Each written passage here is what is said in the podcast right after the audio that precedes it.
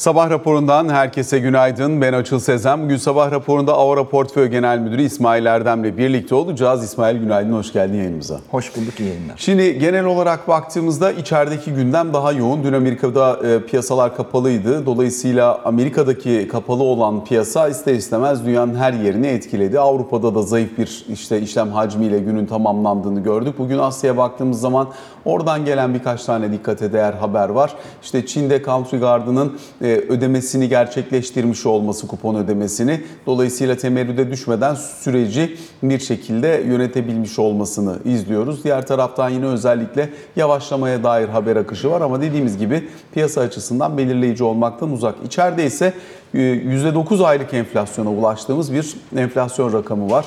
Özellikle çekirdeğe dönüp baktığımız zaman onun da e, ciddi bir şekilde yukarı geldiğini ve fiyatlamanın önemli ölçüde bundan sonraki süreç açısından tartışmalı hale gelmeyi sürdürdüğünü anlıyoruz. E, hem uluslararası kurumlardan hem yurt içindeki ekonomistlerden dönüp baktığımız zaman oldukça ciddi bir enflasyon beklentisi yükselişi olduğunu da anlıyoruz. 70'lerin üzerine doğru kayıyor enflasyon beklentisi. Dolayısıyla bir tarafta artan bir politika faizi nispi bir sıkılaşmayla süreçle mukabele etmeye çalışan bir ekonomi yönetimi var. E, bu noktada son faiz artırımı da güçlü bir sinyal üretti. Ama enflasyon tabii o kadar hızlı ve önden koşuyor ki arkasından yetişmek çok mümkün olabilecek mi? Ya da bu sıkılaşma düzeyleri ne kadar önümüzdeki dönemde enflasyonu dizginlemeye yeterli olacak? Şu anda hemen hemen herkes bunu tartışıyor. Nasıl gördün dünkü 9 puanlık enflasyonu ve bundan sonraki beklentilerini değiştiriyor Tabii yüksek, çok yüksek. Fakat belki şöyle okumak lazım diye düşünüyorum.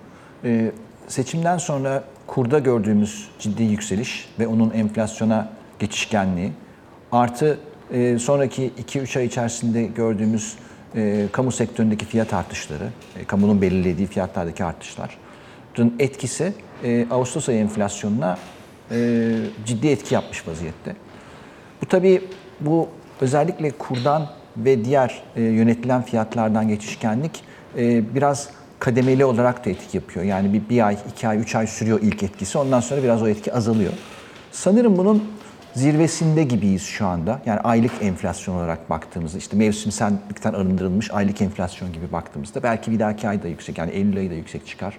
Ama ondan sonra e, biraz da baz etkisinin de etkisiyle e, kur da bu seviyelerde kalırsa ki kamu fiyatlarında bir artış olmayacağını, önemli bir artış olmayacağı konusunda e, ciddi açıklamalar yapıldı. Herhalde e, bir platoya oturur ve ufak ufak aşağı gelmeye başlar diye düşünüyorum.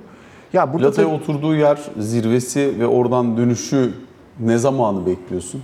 Şimdi tabii burada bir iki konu var. Bir kere seçime kadar, belediye seçimlerine kadar böyle çok radikal sıkılaştırmalar e, yaşanmayacak gibi gözüküyor. Hem e, para politikası tarafında hem de maliye tarafında. Bu ortamda böyle çok sert bir enflasyona düşüş beklemek pek gerçekçi değil. Ama yani önümüzdeki 2-3 ay enflasyonun en azından 12 aylık geçmiş dönem enflasyonunun çok yükseleceğini zannetmiyorum. Hatta ufak ufak aşağı inmeye başlar e, diye düşünüyorum. Ya burada şu çok önemli, e, beklentilerin yönetimi. Yani enflasyon tabii ki çok rakamsal bir şey. Önemli modellerle, planlarla yapıyorsunuz ama insanlar, vatandaş, ekonomideki aktörler enflasyonun düşürüleceği konusunda kamu otoritesinde bir sağlam bir irade görmediği zaman ya bu enflasyon yine düşmez deyip enflasyon düşmeyecekmiş gibi kararlar almaya başlıyor. Bu çok, bu eylemsizlik e, çok olumsuz etkiliyor. E, umarım bu hafta açıklanacak OVP'de daha e, Ankara'nın bu işe karşı gerçekten bir irade gösterdiğine e, vatandaşlara inandırıcı bir takım maddeler yer alır. Mesela e, şimdi yarın itibariyle OVP açıklanmasını bekliyoruz. Yani yarın gelmesini bekliyoruz OVP'nin. E, ama e, yani gerçekleşirse o toplantı piyasa neleri bekleyecek o kısmı önemli. Çünkü aslında piyasanın kerteriz alacağı, kendine mihmandarlık edecek bir program eksiği olduğu çok aşikar. Merkez Bankası'nın enflasyon raporu ve onun gösterdiği çerçeve haricinde elimizdeki e, elimizde önümüzdeki döneme dair e, ekonominin genel politikalarını ortaya koyabilecek veya o dönüşümü hissettirebilecek herhangi bir enstrüman da yoktu. E, çok kolay değil hakikaten Haziran'dan bugüne kadar bunun hazırlanması için çok çaba sarf edildiğini de anlıyoruz. Ama bir eylem ve e, bundan sonrasına dönük adım haritası olarak çok belirleyici olacak gibi görünüyor. Ne görürsen senin duruşun ya da bakışında farklılığa neden olur. Kere şunu söyleyeyim. Bu OVP'nin hazırlanmasının zor olması ve zaman almasının ana sebebi ana politikalarda neredeyse 180 derece bir dönüş yaşıyoruz. Yani zaten devam etmekte olan bir programa ufak bir takım ayarlamalarla yeni bir OVP açıklanıyor olsa zaten önceki çatının üzerine bir şeyler ilave edilecekti. Şimdi işte yani biz çok yakın geçmişe kadar faizi ne kadar düşürürsek enflasyon o kadar düşer politikasını takip ediyorduk. İşte biz faizi ne kadar düşürürsek cari açığımız o kadar azalır gibi bir, bir politika gidiyorduk. Ve bunun etrafına e, bankacılık sektöründe, e, sermaye piyasalarında, e, Merkez Bankası'nda bir sürü karar aldık. Şimdi bunların hepsinin bir geri çevrilmesi gerekiyor. Onun için bu OVP'nin hazırlanması zaman alıyor. E, ne görürsem çok etkili. Bir kere her şeyden önce açıklanacak olan şeyin arkasında durulup eksiksiz olarak uygulanacağının e, teyidi, o iradenin ortaya konması çok önemli. Yoksa işte 2024 enflasyon hedefi 15 mi olsun, 24 mi olsun bu çok önemli değil. Yani zaten o rakamlarda hata payının çok olduğunu herkes biliyor. E, önemli olan bu işin arkasında durulup gerekirse acı reçetenin topluma içirilip e, enflasyonun gerçekten aşağı çekilmesi için gerekenler yapılacak mı? Bu e, duruşun sergilenmesi çok önemli. Burada özellikle tabii e, hani para politikası Merkez Bankası eliyle yürütülüyor, yönetiliyor ve oradaki duruş e, şu an itibariyle biraz daha belirgin. E, ekonomi yönetimi cephesinde bu OVP üzerinden görmeyi beklediğimiz şeylerden bir tanesi bütçe bacağı ve özellikle hem vergi politikasının hem bütçe gelirlerinin hem de genişleyici bütçe adımlarının nasıl şekilleneceği, bütçe açığının nerelerde e, tasarlandığı, planlandığı. Çünkü ekonomide bir sıkılaşma bekliyorsak bir taraftan da kamunun seçim öncesinde verdiği sözlerden dolayı muazzam bir e, mali genişleme de söz konusu oldu. E, buralarda da bir sıkılaşma görmeyi bekler misin? E, çok da kolay değil gibi görü- görünüyor, e, görünüyor yerel seçimlerden önce ama ne dersin? Beklerim tabii ama dediğin gibi yerel seçimlerden önce çok kolay değil. Zaten bu konuda bence e, Sayın Şimşek'in açıklamalarını çok dikkatli okumamız lazım. O konuyu çok iyi bilen bir insan ve açıklamalarında bence çok önemli noktalara parmak basıyor hep. Biz 2024 yılı bizim için esas dezenflasyon yılı olacak diyor. Yani o da şeyin farkında seçimlere kadar e, alınabilecek olan tedbirler sınırlı. Böyle bir politik realiteyle karşı karşıyayız. Dolayısıyla esas 2024'ten sonra e, yani seçimlerden sonra daha acı reçeteler içilecek, e, bütçede sıkılaştırmalar yaşanacak gibi gözüküyor ama tabii eğer mevcut ekip o adımları atmak için gerekli izinleri alabilirse Ankara'da. Peki şimdi bu enflasyon düzeyi üzerinden konuşmaya devam edelim. Ayda 9 puanlık enflasyon, işte yıllık 70'e doğru, yıl sonunda 70'e doğru gitmesi beklenen bir enflasyon dinamiği. Yatırımcı olarak nasıl bir mevduat seviyesi senin için yeterli olur? Bu veriyi almadan önceki beklentinle veriyi gördükten sonraki beklentin arasında fark oluştu mu? Çünkü Merkez Bankası 2024 sonu 33 bekliyordu. Şimdi o beklentiler de yukarı doğru kaymaya başlamış gibi görünüyor. Tabii ki enflasyonun üzerinde bir e, mevduat faizini normal ekonomi kuralları çerçevesinde görmek isteriz. Ama buradaki enflasyon da geçmiş enflasyon değil, ileriye dönük enflasyon olması gerekiyor. Yani ben paramı 3 aylık mevduat yapacaksam önümüzdeki 3 ayda beklenen enflasyon yaklaşık neyse onun birkaç puan üzerinde bir e, faiz tatminkar olabilir. Fakat şu andaki Türkiye'nin gerçeklerinde bu çok mümkün değil. Ee, Burada bir de şöyle bir, zaten bu enflasyonun yarattığı dengesizliklerin en büyük sıkıntılarından biri, e, ekonomik büyüklükleri ölçmekte zorlanıyorsunuz. Yani neyin ne olduğu belli değil, öyle bir durum söz konusu. E, Birçok insan bu arada şu hesabı yapıyor. Dolar olarak param ne olur diye bakıyor. Yani burada tabii enflasyon %70 ise ben de mevduat faizinin %75 olmasını uygun bulurum, tercih ederim ama bir taraftan da bir dolar kuru olduğu için birçok insan ben 50 bin dolarımı şu anda TL'ye çevirip mevduat yaptığımda işte mevduat sonunda bir ay sonra 50 bin dolarım 50 bin dolar olur mu diye bakıyor. Orada da bu sefer kur seviyesi önemli bir hale geliyor. Yani bir aslında e, bunu hep yabancı yatırımcılar yapardı. Çünkü adamlar dolar getiriyor, dolar çekip götürüyor. Bizim yerli yatırımcımız da bir miktar şeye dönmeye başladı. Enflasyon zaten aldı başını gidiyor ve nasıl ölçüldüğü de çok belli değil. Dolayısıyla ben en azından kendimi dolara bağlayayım. Dolar bazında mevduattan para kazanıyorsam ne güzel. Dolar bazında kazanamıyor mevduattan para ama döviz dönüşümlü mevduattan belki bir miktar alabiliyor veya kur korumalı mevduata geçerek bunu gerçekleştirebiliyor. Buralardaki faizlerin nerelerde oluşmasını beklersin peki? Mesela burada bir parantez açayım. Son bir aydır dolarda azıcık para kazanıldı. Çünkü bu şeyden dolayı Merkez Bankası faizi 7,5 puan arttırınca işte 27 küsürlerden 26'ya indik ya. Mesela bir ay önce TL mevduat yapmış olan bir insan e, şu aralar mevduat vadesi bitiyorsa %2-3 dolar bazında bir para kazanmış oluyor. Tabii ki bu geçici, bu böyle bir kalıcı trend falan değil onu demek istemiyorum ama böyle birkaç ay yaşarsak mesela kur korumalı mevduatta da çözülmeler başlayabilir. Çünkü Türkiye'deki mevduat çok hafızası kısa olan bir şey. Zaten ge- geçmişten bir vadesi bir buçuk ay falandı. Bu kur korumalıyla biraz arttı. Dolayısıyla mevduat yatırımcısı ya ben önümüzdeki bir buçuk ay ne kazanırıma bakıyor. Biraz öyle bir olay bu. Orada da kurun önümüzdeki bir buçuk, iki, üç ay stabil kalacağı beklentisi, görüşü oturursa kur korumalarından da yavaş yavaş para çözülmeye başlayabilir. Ee, Buradaki son veriye dönüp bakacak olursak e, kur korumalı mevduattan e, döviz tevdiat hesaplarına doğru bir geçiş olduğunu anlıyoruz. Hani özellikle getirilen son düzenlemelerle birlikte Merkez Bankası'nın attığı adım burada etkili olmuşa benziyor. Ve e, yatırımcıların bir kısmı evet yeniliyor kur korumalı mevduatı. Bir kısmı belki TL mevduat eğer cazipse oraya gidiyor olabilir. Ama e, önemli bir bölümünün de dövize döndüğünü görüyoruz. Bu dövize dönüşün finansmanının önemli bir kısmının da Merkez Bankası üzerinden gerçekleştiğini gözlemleyebiliyoruz. E, bilançosuna baktığımız zaman Merkez Bankası'nın analitik bilançoda 3 aşağı 5 yukarı net pozisyonu üzerinden, net döviz pozisyonu üzerinden 3 aşağı 5 yukarı anlaşılıyor. Dolayısıyla bu trendin devamını bekler misin? Eğer KKM'de özellikle bu dönüşüm süreci devam edecekse bunun finansmanı aşamasında Merkez Bankası'na düşecek olan yükün devamı, devamlılığı ya da bir dur noktası var mıdır? Sanırım buradaki bütün hedef ve e, ekonomi otoritelerinin çabası bu KKM'den dönüşü mümkün olduğu kadar TL'ye dönüş haline getirebilmek, dolara değil de. Burada da kurun stabil kalması en azından bir süre ve insanların TL mevduatta kalınca para kazanmasının mümkün olması e, oluşturabilecek, gerçekleştirebilecek gibi gözüküyor.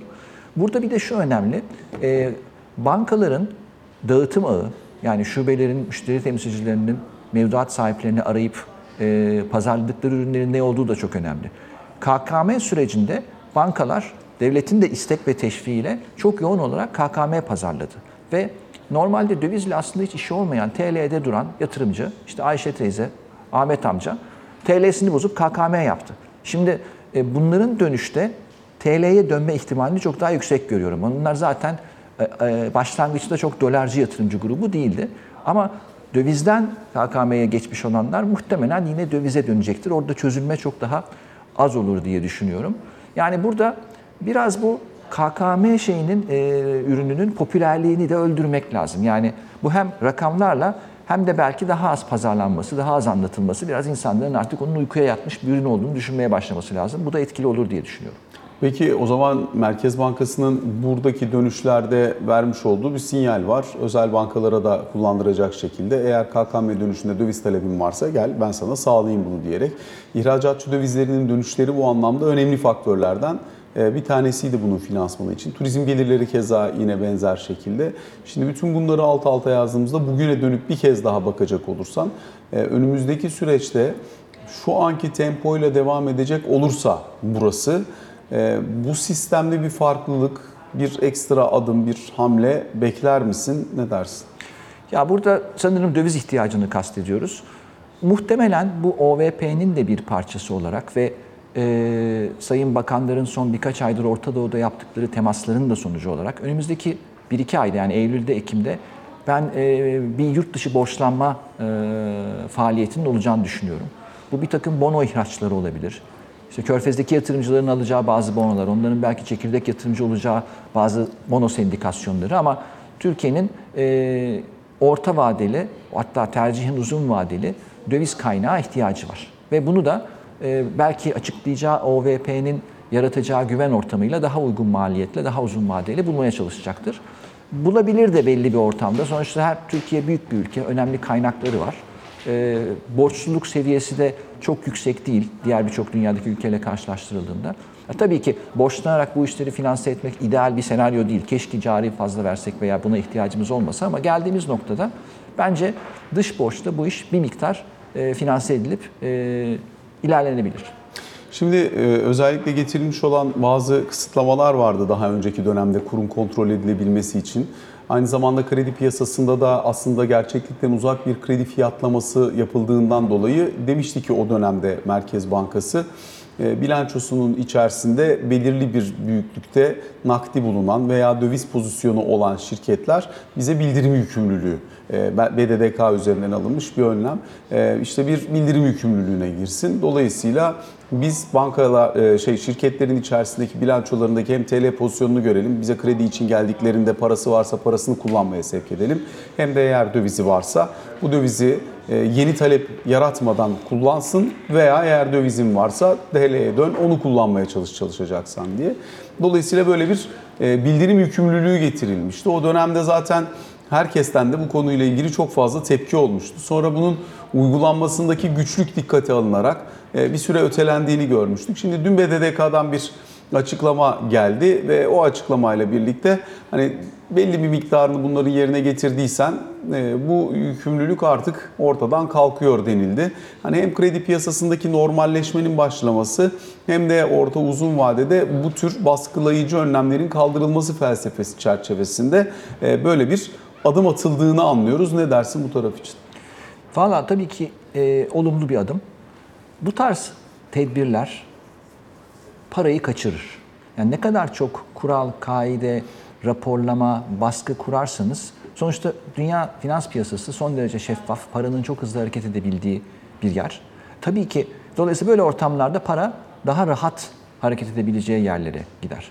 Tabii ki önemli bir denetleme faaliyeti güdülmeli, e, sistem kontrol altında tutulmalı. Ona hiçbir itirazım yok. Fakat buraya özellikle gelen giden yabancı para, yabancı yatırımcı, onların şirketlerine yaptıkları transferler, geri transferlerde e, bir takım sınırlamalar, sorular, raporlamalar istemeye başladığınızda başka ülkeleri tercih etmeye başlarlar. Yani burada sonuçta bu yaşanan sıkıntıların sonucu yabancıların gelmesi değil buraya. Bu sıkıntıların sonucu bizim yıllardan beri e, ekonomi programımızı belki e, çok iyi bir şekilde yönetememiş olmamız. Yani belki 10 yıllardan beri, 20 yıllardan beri. Dolayısıyla burada eğer amacımız dünyaya açık, yabancıların da mutlu bir şekilde geleceğe iş yapacağı ve burada istihdam ve katma değer yaratacağı bir sistem kurmak istiyorsak e, minimuma indirmemiz lazım bu tür sınırlamaları.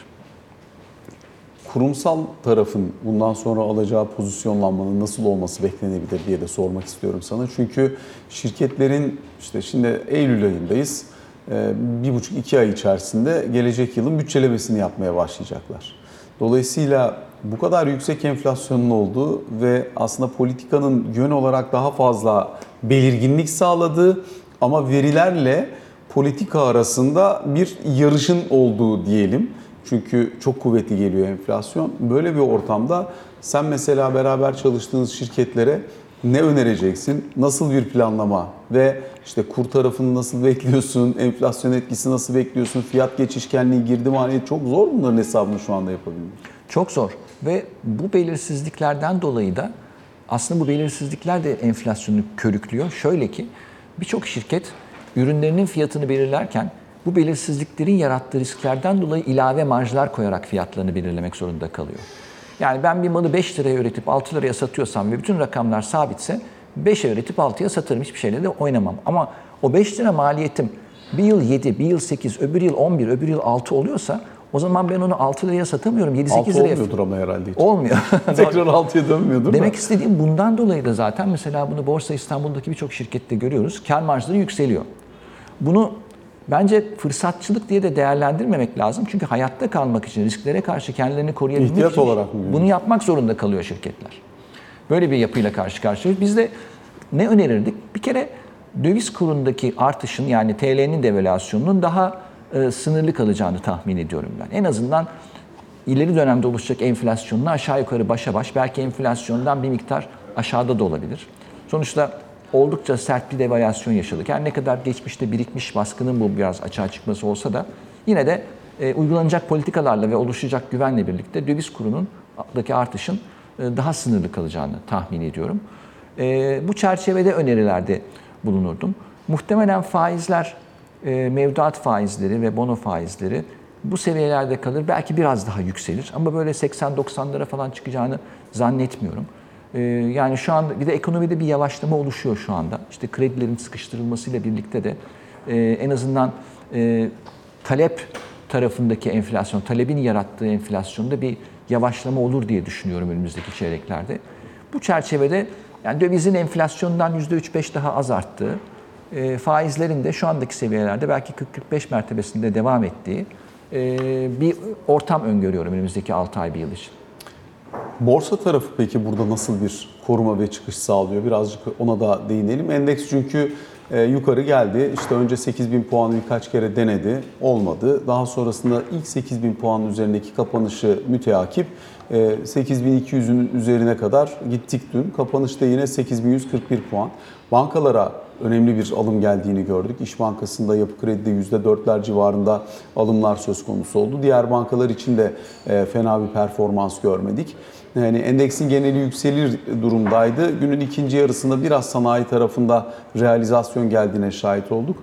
E, Hem borsadaki genel gidişatı nasıl görüyorsun? Enflasyonist ortam, e, nispeten düşük kalan bir mevduat faizi ve Borsa İstanbul'daki potansiyel artı performans. Borsanın enflasyonun üzerinde getiri sağlamaya devam edeceğini düşünüyorum. En azından bir dahaki senenin işte ortalarına kadar yani seçim bitene kadar diyeyim. Çünkü faiz politikası çok sertleştirilmeyecek, çok faiz yükseltilmeyecek gibi gözüküyor. Biraz daha yükseltilebilir ama enflasyona yakın bir yerlere çok gelmeyecek gibi gözüküyor. Artı katılımcı, yerli katılımcı sayısı giderek artıyor ve bunlar e, mutlu yatırımcılarda özellikle halka arzlardan dolayı ve bir şeyi satınca gidip başka bir şey alıyorlar. O para şu anda borsada duruyor ve e, olduğu yerde de değer kazanıyor. E, bir yabancı satışı gelme şeyi pek yok. Öyle bir e, zaten çok fazla ellerinde hisse yok satacakları. E, olursa biraz alımlar geliyor arada sırada. E, bu ortamda borsada çok fazla bir böyle bir olumsuz bir şey öngörmüyorum. Ama tabii ki şu var. Özellikle Haziran ayından beri çok sert yükseldik. Bunun düzeltmeleri olabilir. Böyle yüzde 5, 10, 15 olabilir. Ama e, hızlı bir şekilde de e, toparlanacağını tahmin ediyorum ben. Bankalar özelinde konuşmak gerekirse... Bir bank- şey sorabilir Tabii. miyim? Bu kadar yüksek enflasyon döneminde çok sert bir borsa düzeltmesi bekler misin? Çünkü bir şekilde bu kadar enflasyon varsa TL cinsinden bir enstrüman olduğu için hisse senedi e, kendini oraya uyarlaması beklenmez mi? Yani aslında borsada da bir şekilde aylık getiri hesap edecekse bir yatırımcı bunu da o aylık enflasyonla reel seviyeye düzelterek bakması gerekmez mi? Kesinlikle gerekir. Konuşmamızın, sohbetimizin başında enflasyon %9 oldu demiştin ya. Mesela geçen ay borsadan %8 para kazandıysanız aslında zarar Para ettiniz. kaybettiniz. yani böyle bir dinamik söz konusu. Ee, dolayısıyla kesinlikle katılıyorum. Zaten bundan dolayı da TL fiyatlar sürekli yukarı gidiyor borsada. Orada önemli olan enflasyon faktörünü indirdikten sonra ne kadar para kazandınız. Birçok yatırımcı dolara da bakıyor. Dolar bazında ne kazandığıma da bakıyor. Tabii doların stabil kalması borsadaki kazançları daha e, parlak gösteriyor. Yani bu ortamda borsada çok sert bir düşüş pek ben beklemiyorum. Yani %5-10'luk düzeltmeler olabilir. Zaten oynaklığı, volatilitesi çok yüksek bir borsamız var. Olabilir ama e, öyle çok müthiş pahalı da değil. Yani biraz da bir fiyatlı hale gelen sektörler var. Ama işte bankalar hala defter değerlerinin altında. Ve defter değeri de enflasyonla artıyor. İyi kötü. Yani sonuçta yılbaşında 100 ise enflasyon %70 ise sene sonunda o defter değeri 160, 170, 150 falan oluyor. E, bu ortamda da e, bence e, borsa yatırımcıların tercih ettiği bir yatırım aracı olmaya devam edecek. Borsada özellikle banka, bankacılık tarafı için söylüyorum. Geleceğe dönük beklentilerle işte fiyat defter değerinin gelebileceği yerin işte defter değerinin üstü olmasını bekler misin? Eğer bekliyorsan ne kadar üstünü beklersin? Biz geçmişte buralarda borsanın 5 dolarlara kadar gittiği dönemlerde 5-5,5 dolarlara kadar gittiği dönemler oldu. Ee, o dönemlerde mesela bankaların fiyat defter değerlerinin ikilere kadar gittiğini gözlemledik. Şimdi biz çok uzun süre boyunca 0,3-0,4 buralarda gezdiğimiz için yatırımcıların bir kısmı da o kadar uzun süredir bu işle ilgilenmedikleri için hatırlamıyor olabilirler ama yani bankaların ikilere kadar gittiği, üstünü gördüğü dönemler oldu ama hiçbir zaman oralarda kalamadık tabii. E, hatırlarsın Türk bankalarının o 2000'lerde yabancılara satıldığında çarpanları defter değerinin 3 katı, 3,5 katıyla bankalar, bankalar satıldı ve dediğin Dört gibi buçuğuyla bile satılmışı var. Doğru 4,5'la bile satılmışı var. Tabii şu var şu anda küresel konjonktürde e, banka sektörü, banka hisseleri için çok olumlu değil. Yani dünyada da birçok büyük banka defter değerinin altında işlem görüyor. Gelişmekte olan ülkelerde defter değerinin üstünde işlem gören birçok banka var. E, ama bizim bankalarımızın biraz daha gitme hisselerinin yeri, yükselme yeri var diye düşünüyorum. Şunu sor- söyleyeyim en son. Bu alınan ekonomik tedbirler, ekonomik düzelme, normale dönmenin en olumlu etki yapacağı sektörlerden bir tanesi bankacılık. Çünkü e, sistemdeki e, anomalilerden en çok zarar gören de bankacılık sektörü oldu geçtiğimiz 2-3 yıl içerisinde. Ha banka karları yükseldi diye bakıyoruz ama onlar TL karlar. Yani defter değerleri reel olarak ne kadar büyüdü? Enflasyon sonrası öz varlık karlılıkları ne oldu diye baktığımızda bankalar için son 2-3 yıl oldukça karsız oldu aslında. Son olarak şunu sormak istiyorum. Bu aslında zor bir ortam ama e, daha önceki dönemlerde de benzer şeyler yaşandığı için enflasyonun çok yüksek olduğu ortamlarda bir dolarlaşma, daha doğrusu düşünce yapısının dolarlaşması riskiyle karşı karşıya olabilir miyiz? Çünkü e, hani biz bu ülkede insanların maaşını alır almaz dolara döndükleri dönemleri de yaşadık. Eğer bu seviyelerde enflasyon kalıcı hale gelip birkaç sene böyle gidersen e, orada TL cinsinden bir ölçüm yapma imkanı kalmadığı için insanlar parasının değerini koruyabilecek başka alternatifler arıyorlar. O yüzden şu anki ekonomi yönetiminin enflasyonu düşürme kararlılığı önemli ve değerli. Ama düşünce yapısında insanların işte borsaya bakarken dolar bazında borsa daha mı sağlıklı bir ölçü oluyor? Veya işte herhangi bir şeyi değerlerken gayrimenkulünden tut diğer e, satın aldığın ürünlere kadar oralarda dolar bazında bakmak daha mı makul oluyor? Çünkü paranın değeri o kadar hızlı eriyor ki yerel para biriminin ister istemez bir e, döviz cinsinden bakış açısı söz konusu olabiliyor. Hatta hani bu belki e, tasarruf sahibi açısından bile bir para birimini seç, paran o para biriminde ne kadar ona bakarak hareket et. Acaba böyle ortamlarda daha makul olabilir mi? Bu TL de olabilir bu arada. Yani şu kadar TL karşılığı var diye de bakabilirsin paranın veya şu kadar dövizin var, doların var diye de bakabilirsin. Bu, bu oluyor. Yani dolara bakarak karar vermek. Mesela birçok şirket 3 yıl öncesine göre, 4 yıl öncesine göre daha fazla dolar taşıyor bilançosunda. Çünkü kendini öyle güvende hissediyor. Ee, bir de yani dünyadaki ekonomiler artık çok entegre. Ee, tükettiğimiz ürünler de öyle. Yani şöyle baktığımızda işte bilgisayarlar, cep telefonları, arabalar e, birçok şey yurt dışından geliyor veya dövize, dolara bağlı. Türkiye enflasyonuna bağlı değil onun fiyatı. Yani e, ne bileyim bir cep telefonunun, iPhone veya Samsung'un fiyatı dolarla iniyor çıkıyor. Ve insanlar için de bu tüketim harcamalarını yapmak e, zaruri. E, hayatını sürdürebilmek için ister istemez dolara göre bütçeliyor kendisini. Şirketler de bunu çok daha büyük çapta yapmak zorunda kalıyor tabii ki. Bunun kırılmasının yolu TL'yi istikrarlı, güvenilebilir bir para haline getirmek. E, anormal çalkantıların olmasına izin vermemek ve tabii ki ülkenin kalıcı döviz girdilerini artırabilmek. Bu da uzun yılların yapısal yapı reformlarının sonucunda olabilecek olan bir şey. İsmail Erdem çok teşekkür ediyoruz. Bu sabah bizlerle birlikte oldun ve sorularımızı yanıtladığın için. Kısa bir aramız var. Sonrasında Ali Can Türkoğlu ile ikinci bölümde karşınızda olacağız.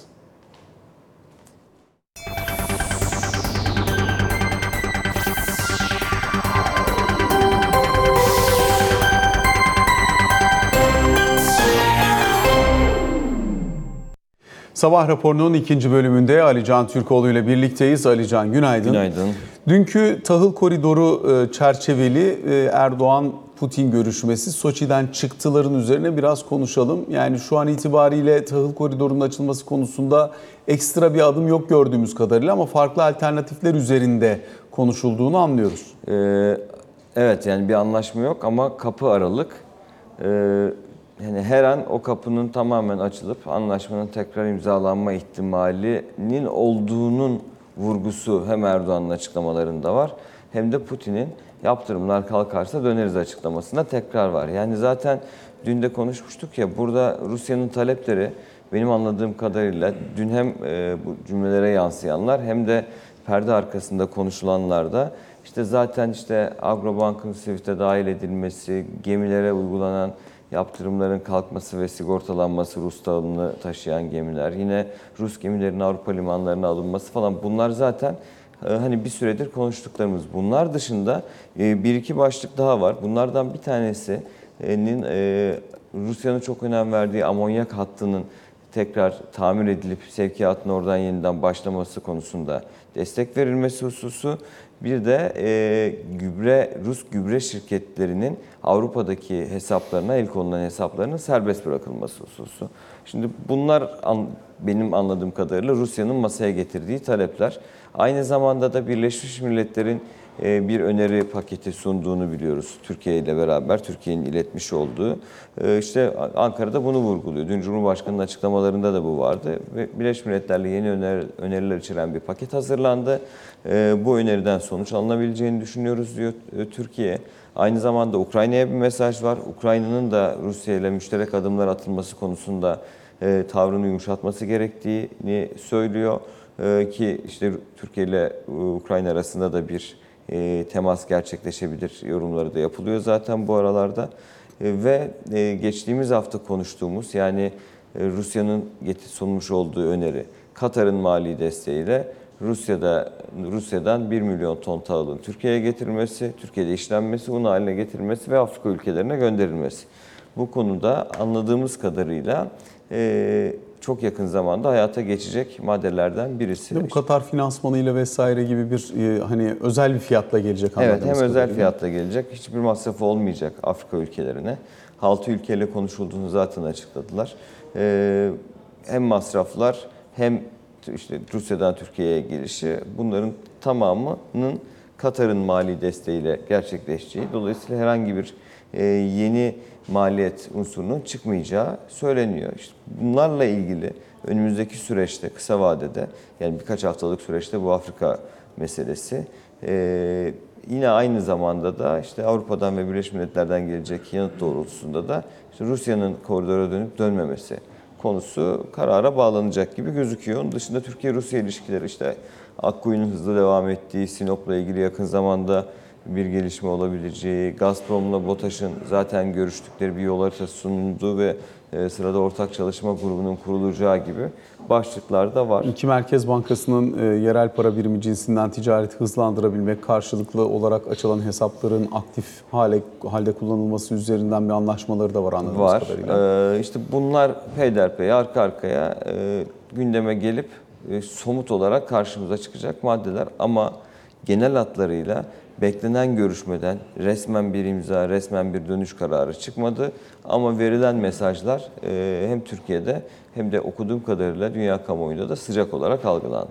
Peki geçelim istersen buradan içerideki gündem maddelerine. Özellikle kabine e, bugün itibariyle önemli. Buradan çıktıların ne olacağı önemli. Bir de tabii kabine sonrasında yarın da orta vadeli program beklentisi var. İşte kabinenin ana gündemlerinden birisi orta vadeli program zaten. Ee, detaylar, son detaylar tekrar konuşulacak Ee, ve işte 2024-2026 dönemine ilişkin işte enflasyon, büyüme, e, istihdam gibi işte temel makro göstergelerde neler var, ne, yeni ne gibi yatırımlar yapılacak önümüzdeki dönemde, fiyat istikrarı için ne yapılacak, enflasyonu düşürmek için ne gibi adımlar atılacak gibi detayları biz yarın öğreneceğiz. Orta vadeli programın taslakta yarın e, Beştepe'de açıklanması bekleniyor. Onun dışında işte bu Rusya ile yapılan görüşmeler neticesinde oradan gelen somut çıktıların ne olduğu bugün kabinede konuşulacaktır. Ee, işte enflasyonla mücadele ve fiyat artışlarıyla mücadele konusunda, faiz fiyatla mücadele konusunda yeni bir takım adımlar atılması gerekiyor mu? Bunlar konuşulacak, görüşülecek. Vergisiz telefon, gençlere vergisiz telefon konusu vardı. Ee, Bunda son noktaya gelinmişti zaten. Muhtemelen yakın zamanda belki bu kabine toplantısı sonrası açıklanacaktır onun detayları da. Ee, e, zaten çok yoğun bir dış politika gündemi var. İşte e, 9-11 Eylül'de Hindistan'da G20, sonrasında 17-21 Eylül'de e, Amerika Birleşik Devletleri'nde Birleşmiş Milletler Genel Kurulu. Bunun hazırlıkları devam ediyor. Mesela e, bunun içerisinde Amerika'da BM Genel Kurulu sırasında Türkiye ile Yunanistan arasında Erdoğan'la Mitsotakis arasında da bir görüşme olacak. Onun öncesinde bu arada Yunanistan Dışişleri Bakanı bugün Ankara'da olacak ve işte Türkiye ile Yunanistan arasındaki normalleşme ve o pozitif gündem çabalarıyla ilgili olarak e, bir görüşmenin gerçekleşeceğini biliyoruz. Yıl sonu muhtemelen Selanik'te yüksek düzeyli stratejik işbirliği toplantısı gerçekleştirilecek. Bunun hazırlığı var. Az önce söylediğim Mitsotakis Erdoğan görüşmesi öncesi bir hazırlık toplantısı olarak da değerlendirilebilir bu. Ee, onun dışında düzensiz göç konusunda İçişleri, İçişleri Bakanı Ali Yerlikaya'nın bir sunum yapacağını biliyoruz. Deprem konutları ile ilgili olarak Çevre Şehircilik Bakanı Sayın Özses Akin'in yine bir sunumu olacak. Dolayısıyla çok yoğun gündemli bir kabine toplantısı ama ana gündem yarınki orta vadeli programın detayları ve dünkü Rusya e, görüşmelerinin çıktıları bugün konuşulacak. E, 15'te başlayacak diye biliyorum. Akşam saatlerinde de Cumhurbaşkanı'ndan kabinenin detaylarını öğreneceğiz. Bir de diplomasi anlamında Yunan Dışişleri Bakanı'nın temasları var. Son dönemde Türkiye ile Yunanistan arasındaki ilişkiler açısından da önemli temaslar. Evet, işte az önce biraz değindim aslında. Hem Mitsotakis Erdoğan görüşmesi öncesindeki görüşme olması hasebiyle önemli. Hem de e, o pozitif gündemin devam etmesi açısından önemli. Ama burada e, bir iki farklı gündem maddesi daha e, önümüze çıkabilir. Ne var? Mesela Güney Kıbrıs Rum yönetiminin özellikle bu dönemde e, Türkiye'ye gelen diğer e, yabancı devlet insanlarını kullanarak bir yeni gündem yaratma çabasının olabileceği söyleniyor. Bu da şu, Türkiye iki devletli, yani Kıbrıs'taki iki devletli çözüm e, önerisinden vazgeçsin ve Birleşmiş Milletler Genel Kurulu'nda buna ilişkin, yani Kıbrıs'a ilişkin yeni bir e, görüşme masası kurulsun diyor masadan daha öncesinde kalkma e, seçeneğini tercih eden Rum kesimi anladığımız kadarıyla. Şimdi bu ay içerisinde İngiltere Dışişleri Bakanı'nın Türkiye'ye gelmesi e, planlanıyordu. Yine Avrupa Birliği yetkilileriyle görüşmeler var. İşte Yunanistan Dışişleri Bakanı bugün geliyor. E, Tüm bunlarda Güney Kıbrıs Rum yönetiminin e, işte bir nevi aracı kullanarak e, iki devletli çözüm konusunu tamamen masadan kaldıralım ve yeni bir gündem yaratalım gibi bir e, arzusu, isteği var gibi gözüküyor. Türkiye tarafından kabul edilecek bir unsur olarak e, yani dikkate alınan bir çağrı da değil zaten bu ama bu gündemde yakın zamanda tekrar karşımıza çıkabilir. Yani Güney Kıbrıs, Kuzey Kıbrıs, Kıbrıs'ta ne oluyor gibi yeni bir gündem maddesi çıkabilir karşımıza. Alican teşekkür ettik. Ben teşekkür Sabah ederim. raporunu böylelikle noktalıyoruz. Hoşçakalın.